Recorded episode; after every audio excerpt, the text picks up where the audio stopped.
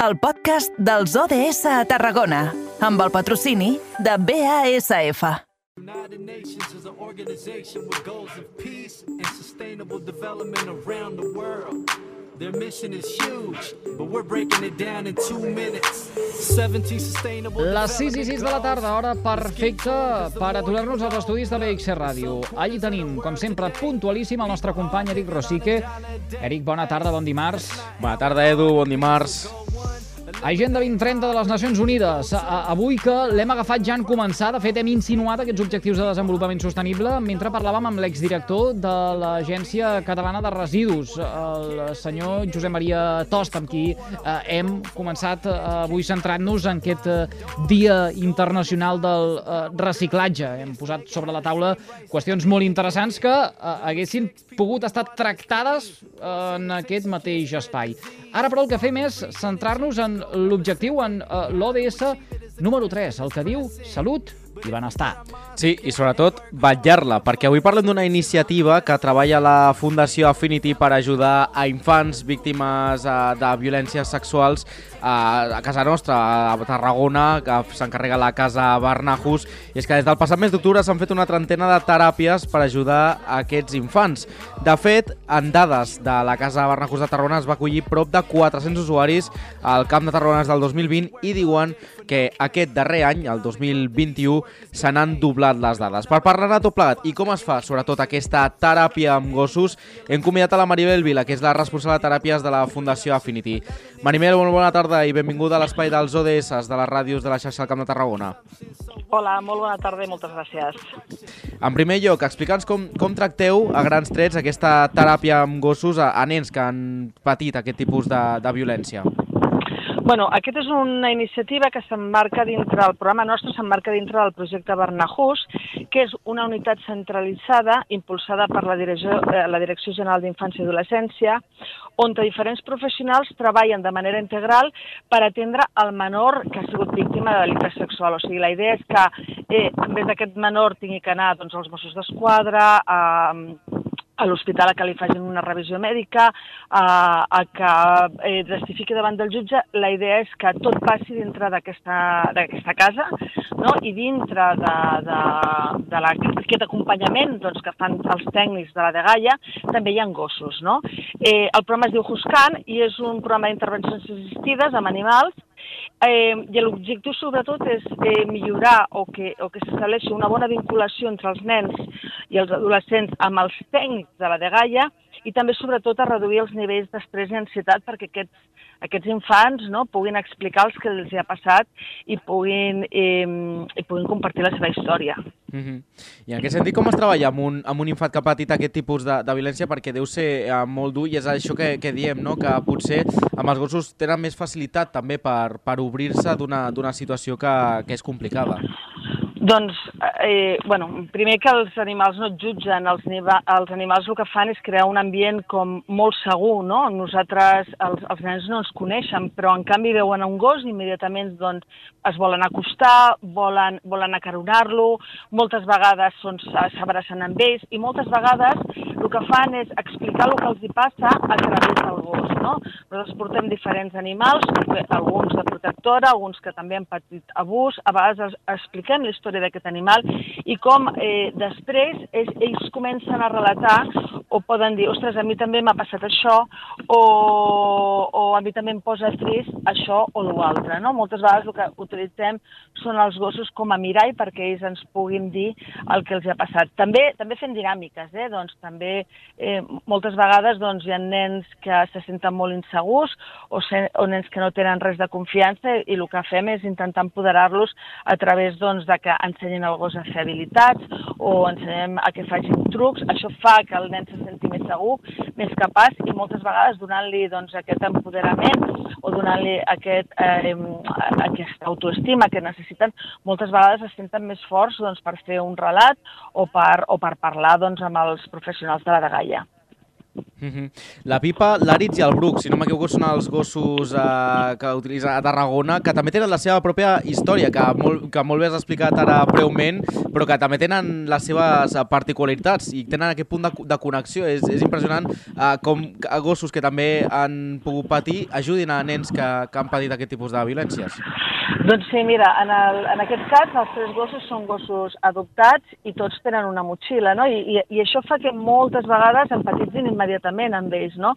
Perquè, per exemple, la Pipa, que és una gosseta petita, doncs la van trobar en un contenidor d'escombraries i està clar que no només no la volien, sinó que li volien fer mal el fet de tirar-la. I, ostres, quan tu expliques la seva història, moltes vegades, doncs, immediatament hi ha, hi ha una vinculació molt especial, molt directa.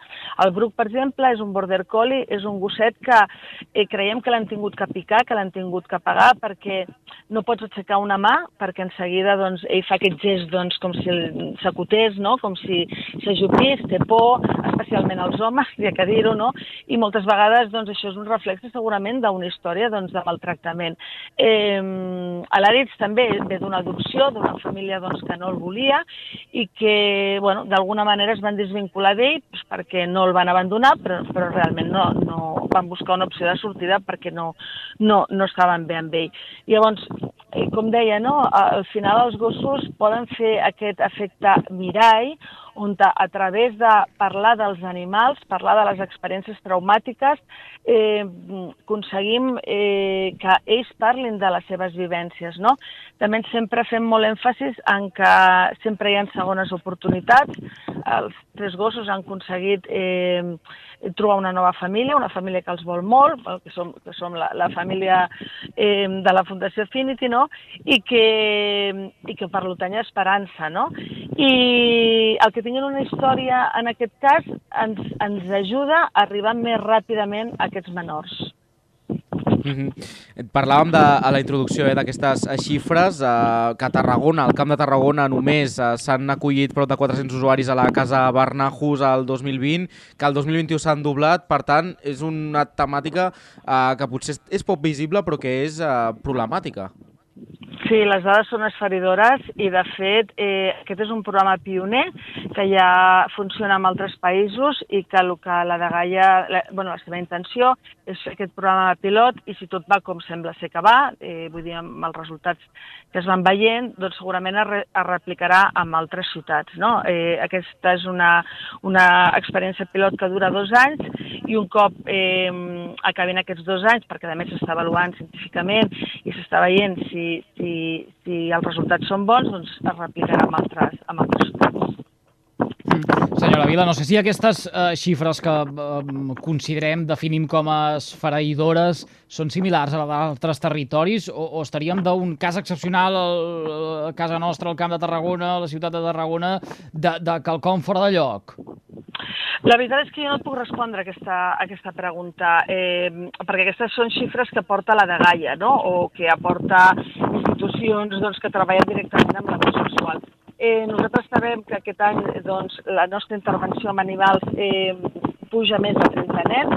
No treballem eh, amb tots els nens, sinó amb els nens que l'equip considera doncs, que els animals es pot beneficiar a crear aquesta vinculació o a crear una situació per al menor de més comoditat i per tant que els pot beneficiar en el moment doncs, de treballar amb ells, però no et sabria dir si les xifres en altre territori eh, és ma major o menor. Segurament, segurament eh, amb, amb la idea doncs, de replicar aquest centre, segurament eh, és, és perquè també les xifres són altes i, i, i són importants. Mm. Senyora uh, Vila, uh, notem molt de vent de fons que fa que en algun moment fins i tot uh, perdem el discurs, eh? Uh, en sigui complicat de seguir les seves explicacions. En tot cas, uh, no ens allargarem uh, uh, gaire més. Uh, li volia preguntar per la, la, la causa. No sé si uh, està estudiat el fet de, pel qual aquestes uh, xifres s'han doblat en tan sols un any. Trobaríem la pandèmia al darrere de, de, de tot això? Sí, segurament la pandèmia, igual que la violència de masclista, també les xifres ha pujat, el fet doncs, de que hem, hem estat confinats, hem sortit menys, hem tingut més recursos, fa que segurament aquesta xifra s'hagi disparat. Eh, eh, les xifres tant de maltractament de la infància com, com, com la de violència de gènere, el fet de que hagi estat la pandèmia de per ha, ha fet incrementar la xifra. Segur, segur que hi ha una relació directa. I sobretot les famílies, eh, Maribel, com, com ho viuen no? per, pels seus eh, infants o aquest acompanyament, eh, sobretot en aquestes sessions que hem parlat de, dels usuaris que, que la, la tasca que du a terme des de la Fundació Affinity. Quins inputs rebeu eh, de, de tot plegat? Perquè és una situació complicada, però veure que els infants es puguin obrir amb aquests gossos per intentar doncs, eh, curar unes, si més no unes ferides que, que tenen, doncs deu ser gratificant. Bueno, us podem imaginar eh, en molts casos com estan les famílies, no? aquest sentiment a vegades de culpabilitat, eh, aquesta de per què no ho he vist abans o per què no he fet res o, o, o ho hagués pogut evitar. No? Per tant, eh, el fet de que el seu fill vagi a un, a un centre on te rep ajuda, però a més a més on el nen es pugui trobar còmode, còmode doncs és superimportant. També pensem que eh, no només tractem en nens petits, sinó també en adolescents. I moltes vegades l'adolescent ja no és com el nen que, que el porta el pare, sinó l'adolescent moltes vegades ja decideix ell si no, va o no va. Molts dels, dels nens que ens, que ens venen derivat a treballar amb els gossos són aquests adolescents que en principi tenen una resistència en, en, en, en anar al centre, no? en rebre ajuda, en, i moltes vegades el fet de que estigui al gos fa que, que, que s'adhereixin a, a, a, a poder continuar amb la teràpia o a poder continuar doncs, anant-hi. No? Per tant, eh, quan entrem amb el gos, ho, ho he dit abans, no? es, es crea un ambient doncs, eh, molt, molt íntim, molt càlid, molt d'alegria moltes vegades, malgrat la situació dramàtica que poden viure aquesta canalla. Eh? Eh, és una que reconforta tothom, a, a famílies i a nens. I et diria que inclús al personal, no? quan, quan, quan nosaltres entrem en una institució i els beneficis que porta el treballar amb animals eh, no només és directament amb les persones amb les que treballem, sinó en tot l'entorn. I, i, I això no canvia l'ambient, d'un ambient doncs, a vegades tens, trist, eh, a vegades es passa en un ambient molt més relaxat, en un ambient doncs, eh, on inclús per uns moments a vegades et pots oblidar no, del drama que hi ha darrere. I si només els aporta molta tranquil·litat i, i seguretat doncs, perquè, perquè ells puguin parlar de la situació que han viscut o puguin expressar el que aquesta situació els ha generat. Mm -hmm. Senyora Vilar, ara tot just fa un momentet oferíem aquí en directe al carrer Major de la ràdio de la xarxa al Camp de Tarragona una taula rodona eh, en el marc eh, del Dia Internacional contra la LGTBI-fòbia que eh, es commemora precisament eh, avui. I eh, eh, tots els que hi han intervingut coincidien que eh, en moltes ocasions aquestes eh, conductes són silenciades i que costa de denunciar. No sé si vostès es troben amb quelcom eh, similar. Aquests eh, abusos, eh, costa manifestar-los, eh, costa a l'hora de cercar aquesta ajuda? Bueno, costa perquè moltes vegades el relat de l'infant eh, no, no, no és immediat. A vegades eh, hi ha un sentiment de culpabilitat, altres vegades hi ha amenaces per part del que realitza l'abús i no sempre és immediat. Eh, també hi ha de tot, hi ha famílies que no saben com reaccionar, hi ha famílies doncs, que immediatament prenen acció, però tothom té el, el, el seu tempo. De fet, molts de, dels nens que han sigut abusats, si us fixeu, moltes vegades triguen molts anys en reconèixer, no? A vegades quan el seu agressor ja, ja s'ha retirat o ja ha mort, o quan ells són pares i, o són mares i, per tant, eh, entenen el, el, el mal que els han fet, no? Per tant, és, és complicat. És complicat eh, la gestió no? d'aquestes situacions que són totalment dramàtiques i, i també moltes vegades la societat no, bueno, és, és una que no agrada escoltar, no? També tenim que pensar que molts dels abusos es, es generen dintre de la pròpia família i per tant acaba sent moltes vegades un tema tabú. És com que algo que no ens agrada escoltar, no? no que fa mal i que és, la seva gestió és difícil. Jo penso que ens queden encara molts anys de, de treball, molts mm. anys doncs, que de, de, de que això eh, es faci públic, de donar sobretot molt, molt, molt suport a les famílies i a les víctimes doncs perquè puguin fer aquest relat el abans possible i perquè sobretot també es pugui castigar el, els, els abusadors, que en definitiva són els que creen aquesta situació. Maribel Vila, responsable de teràpies de la Fundació Affinity, gràcies per compartir aquests minutets amb nosaltres. Molt interessant eh, tot el que eh, es treballa a la Casa Bernahús de Tarragona, en aquest cas doncs, de la mà de la Fundació Affinity, amb aquests eh, eh, gossos que eh, ajuden a facilitar les teràpies a aquests infants que han estat eh, víctimes o que han patit algun tipus d'abús. Eh, enhorabona per aquesta, per aquesta feinada Moltíssimes gràcies per tractar el tema i per al vostre interès. Moltes gràcies. Que vagi molt bé. Bona tarda. Bona tarda.